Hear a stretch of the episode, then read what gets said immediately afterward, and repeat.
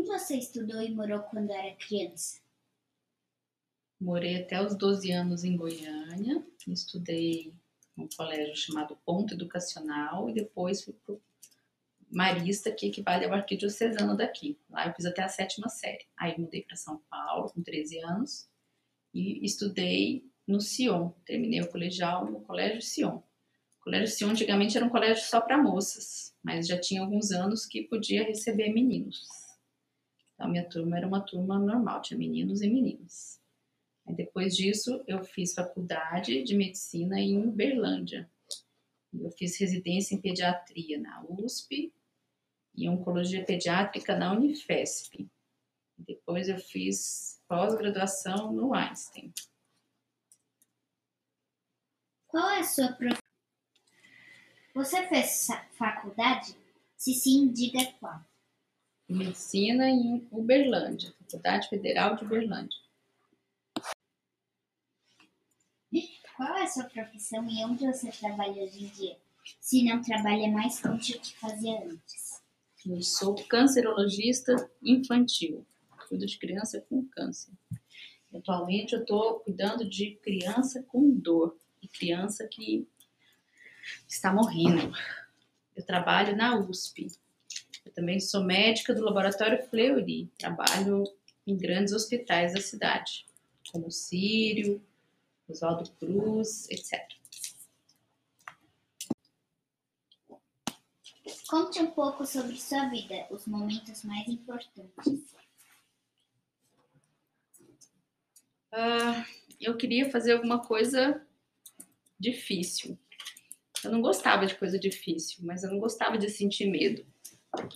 Eu geralmente sentia medo quando as coisas eram difíceis. Então eu fazia até ficar muito boa nas coisas difíceis.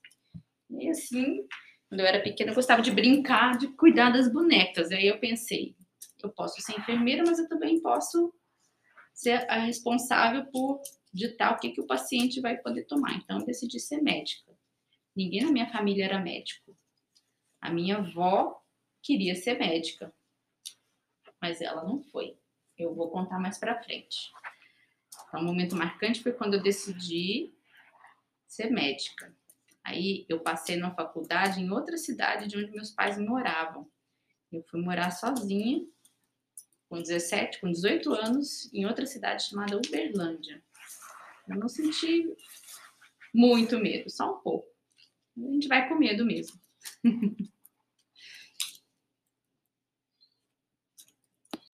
Quando criança, você desejava seguir alguma profissão e não pôde por algum motivo? Conte um pouco sobre isso.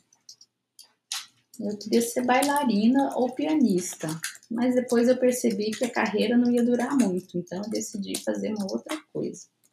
Eu queria estudar, eu gostava muito de biologia, quase fui uma ecologista bióloga. Eu percebi que eu podia ajudar mais gente de um outro jeito, sendo médica. Eu fui médica. Você vivenciou ou apenas presenciou uma situação que a mulher foi diminuída ou desrespeitada por alguém pelo fato de ser mulher? Conte como foi e o que você sentiu. A minha avó queria ser médica, muito.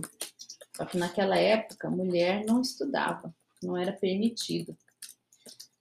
Era permitido só fazer corte, costura, cuidar da casa, ser mãe, dona de casa. Então, quando eu pude ser médica, ela gostou muito. A minha outra avó cuidava das pessoas dando plantas. Ela era uma curandeira. Ela dava planta e sabia muito sobre várias plantas. Eu queria ter aprendido mais com ela, eu queria ser mais velha e, enquanto eu fosse médica, ter podido ficar perto dela para aprender muitas coisas. Outra situação que eu vi, é, às vezes os colegas médicos falavam que as médicas não eram capazes de ficar em cirurgias muito longas porque as mulheres são mais frágeis. Mas cada vez mais hoje na medicina tem mais mulher. E as mulheres são excelentes cirurgiãs, são muito caprichosas, muito dedicadas. Isso já aconteceu com você mais de uma vez? Quando começou? Uma vez eu era auditora de planos de saúde. e um outro auditor de um hospital insinuou que as mulheres não faziam serviço bem feito, que ele podia interferir na minha carreira. Eu acabei contando para o meu chefe, que era um chefe muito bom, e essa pessoa foi afastada. A gente não deve ter medo de intimidações. A gente deve contar sempre a verdade. Como você reagiu na época e como se superou? É o que eu falei.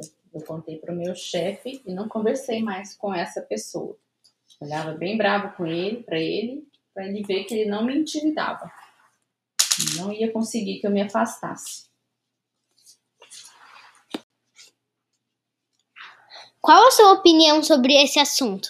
Preconceito com as mulheres ou desigualdade?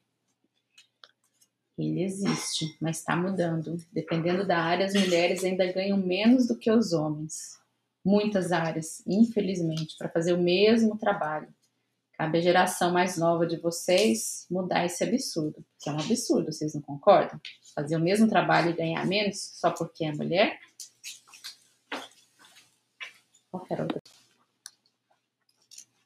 Em sua opinião, existem muitas coisas que são destinadas só aos homens ou só às mulheres?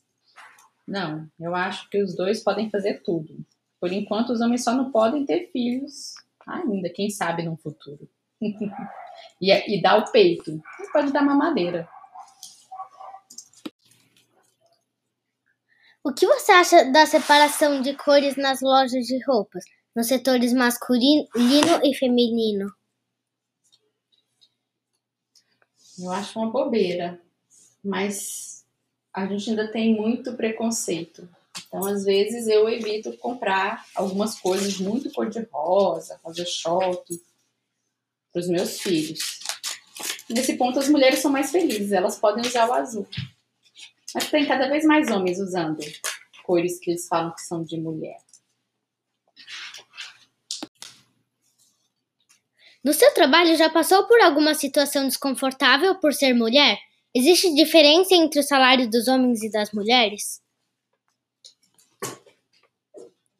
Na minha profissão, que é oncologia pediátrica, não, não existe diferença de salários, mas entre cirurgiões eu sei que existe. E sim, já tive que aguentar várias gracinhas e cantadas de colegas falando que tão pequenininha não vai dar conta de fazer, ou vai se cansar, ou vai chorar. No final, quem se cansou e chorou foram eles. Mas a mulher sempre tem que fazer mais e melhor. Infelizmente. E depois de trabalhar, ainda tem que cuidar de casa e de filho. Qual a sua opinião sobre o direito das mulheres e sobre o preconceito? Direitos iguais ainda tem muito preconceito. Mas está mudando, devagarzinho está mudando. Os homens acham que porque uma menina usa saia curta, eles podem subiar e fazer o que eles acham que eles querem. Tá errado? Ninguém deve ser tratado pelo jeito que se veste. Hoje em dia, você defende a luta pelo direito das mulheres e contra o machismo? E por que isso é importante para você? Direitos iguais. Que as meninas de hoje possam ser o que elas quiserem, ganhando o mesmo tanto que os meninos. Se elas quiserem ser mães ou não, se elas quiserem ser donas de casa ou não. Assim como é dado esse direito aos homens, né? Quando e como essa luta começou? Qual luta, filha? O feminismo? Uhum. Na década de 60. Vocês sabiam que antigamente as mulheres não podiam nem votar, nem falar em público? Em muitos países, mesmo no século XXI, as mulheres não podem nem sair à rua. Tem que ser todas cobertas, só o olho de fora. As meninas não podem ir para a escola, não podem dirigir, não podem votar, não pode nada. Só ficar presa dentro de casa, sendo escrava. Tá muito errado, né?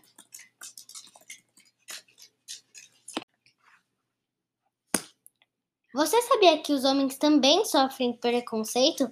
Aqui, se a resposta do entrevistador for não, você, o entrevistador, deve contar o que sabe sobre isso. Eu sei que os homens sofrem preconceito. Muitos homens que cuidam da casa e cuidam dos filhos são ridicularizados ou se eles demonstram seus sentimentos e choram em público, dependendo do lugar onde ele estiver, também é ridicularizado e visto como um sinal de fragilidade. Mas isso não é verdade, né? Demonstrar o sentimento é ter coragem. Fazer diferente, então, quando alguém vê uma coisa errada sendo feita e você fala, para, tá errado, é ter coragem. Já diz a letra da música do Renato Russo que vocês não conhecem. Ter bondade é ter coragem. A gente estudou que os homens também é, eles também tipo têm preconceitos, tipo eles não podem tipo brincar de boneca e eles já são treinados tipo fabricados entre aspas de um jeito pensando que as mulheres são menores, que elas valem menos.